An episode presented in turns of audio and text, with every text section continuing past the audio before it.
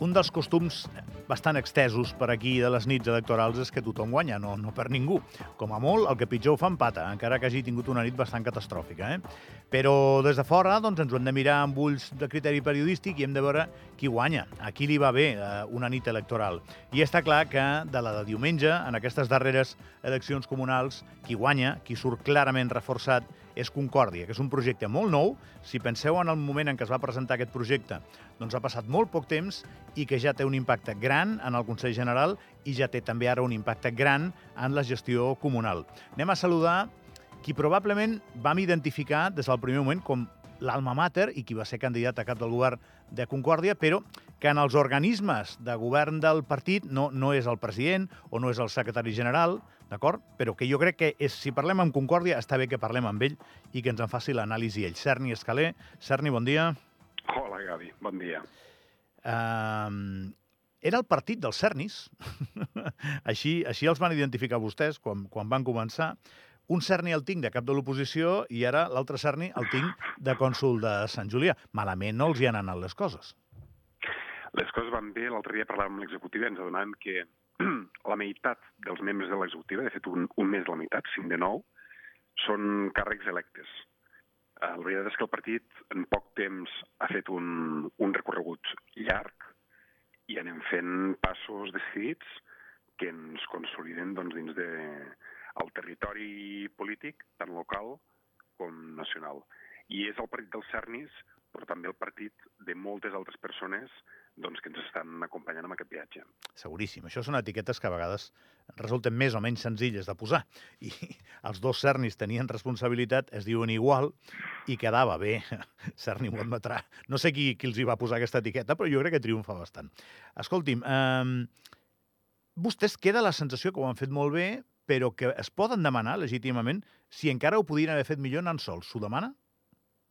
Som un partit que està creixent, creixent en militants, simpatitzants, um, i que necessita més, més múscul, i creix, a més a més, a poc a poc.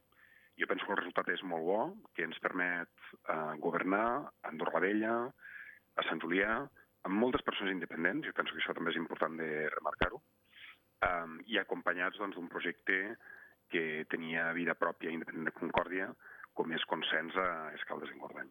En tot cas, és molt important per nosaltres que la gent que està dins del partit vagi agafant responsabilitats de govern i que a poc a poc la veu de Concòrdia es vagi fent més forta, però que sigui de forma mesurada doncs amb, la, amb la força que també tenim dins del partit.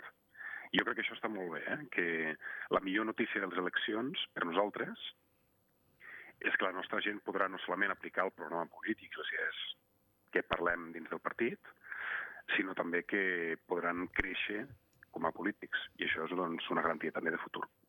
Al mateix temps, ara encertaran, s'equivocaran, manaran. I, I això doncs, sempre o beneficia o també deteriora no? la imatge d'un partit. En tot cas, es faran grans, que és el que els hi toca. Mm. Manar vol dir equivocar-te. Aquí a tot arreu, Cerny, eh? Sí, sí, i jo penso que un ha de desitjar que qui mana, sigui a la parròquia que sigui, ho faci el millor possible, i sigui el color polític que sigui. Eh? Bé, també amb el govern nacional, jo penso que els encerts dels governs, sigui dels comuns o, de, o del govern de l'Estat, són encerts també per al país. I en aquest sentit a mi m'agradaria que doncs, des dels nous equips de Concòrdia, i estic segur que serà així, doncs es velli per una inclusió activa de les minories polítiques, per una escolta dins de la casa del comú, a la gent doncs, que el dia a dia um, fa el comú, als funcionaris públics, um, però també doncs, amb, amb la resta de, de partits polítics representats i amb la gent del carrer. Uh, que no ens oblidem de, de les persones de la parròquia en el dia a dia. És, a Andorra ens passa una cosa extraordinària, eh? que és que des de la Constitució andorrana, des de l'any 1993, en els darrers 30, pràcticament un any ja, el mes de maig vinent, s'ha convocat solament una consulta popular des dels comuns per al túnel del Port, Port del Rat del, del Comú d'Ordino. Um, I jo penso que això s'ha de trencar, que cal un diàleg molt més viu amb la ciutadania i estic segur que el sistema de consultes veurem durant aquests uh, propers quatre anys que comença a reactivar-se. Una mica a la Suïssa. espero que sense caure en el síndrome suís del referèndum. Eh? No, perquè allà en fan, molt, en fan moltes de consultes, per això li dic. Sí, sí, sí. Bueno, per, per comprar paper de vàter al, al, a la institució pública, per decidir quin tipus de paper de vàter fan una consulta. Jo penso que és caure una mica en el ridícul. Eh? De fet, um, a Suïssa s'ha caigut tant la cultura del referèndum que la participació en el referèndum s'ha sent molt baixa. Jo crec que s'ha d'opinar sobre qüestions rellevants, però que s'ha d'opinar. Digue'm en un minut que eh, tinc dues preguntes per vostè. La primera, la participació és un desastre, eh, Sarni? Vostè, que és un demòcrata convençudíssim, li, li, deu, li deu fer mal, això, eh? Sí, sí. Jo penso que la participació s'entrena, eh? I d'aquí també la importància, doncs, de, de l'escolta activa, d'anar a les urnes no un cop cada quatre anys, sinó de forma més freqüent. Um, que la democràcia la democràcia, la millor educació per la democràcia és la democràcia. I després jo penso que també que calen mesures més valentes al, al nostre país. Um, I que part de l'apatia política doncs ve per això, per el fet de no veure alternatives del tot, del tot creïbles. Jo penso que tenim la responsabilitat, durant aquests quatre anys, doncs de fer més partícips a la gent i d'anar doncs, mm, materialitzant aquestes visions de futur alternatiu per Andorra com a país. I la última, i té a veure, molt a veure, amb Concòrdia i el seu futur immediat. Vostè es veu fent campanya pel no contra l'acord d'associació amb la Unió Europea? A dia d'avui, si es projecta a futur, es, es veu fent campanya pel no? Ostres, Gavi, és que no, no ho veiem clar, eh? És a dir, no veiem clar com s'ha negociat fins ara l'acord d'associació. Ho sé, per això li pregunto.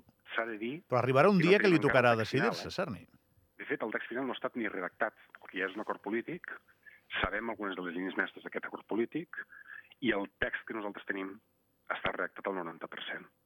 Amb aquest 90% ja veiem que hi ha molta distància entre el que es proposa i el que pensem nosaltres.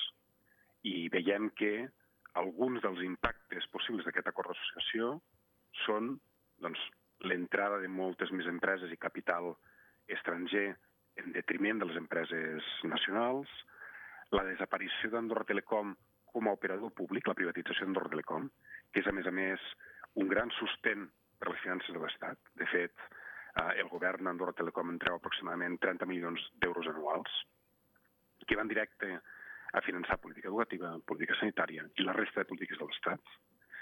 Vol dir també que les decisions en matèries de mercats es prendran des de Brussel·les i que després nosaltres les acabarem incorporant en un sistema que és complex, però en el que si no estem d'acord amb el que es diu des de Brussel·les, qui decideix és un tribunal, un, el Tribunal Europeu de Justícia, no un tribunal independent, sinó el Tribunal de la Unió, de la Unió Europea. Serni, m'acabo de donar que tenim pendent una conversa sobre això, vostè i jo i els oients, evidentment. No tinc més temps ara.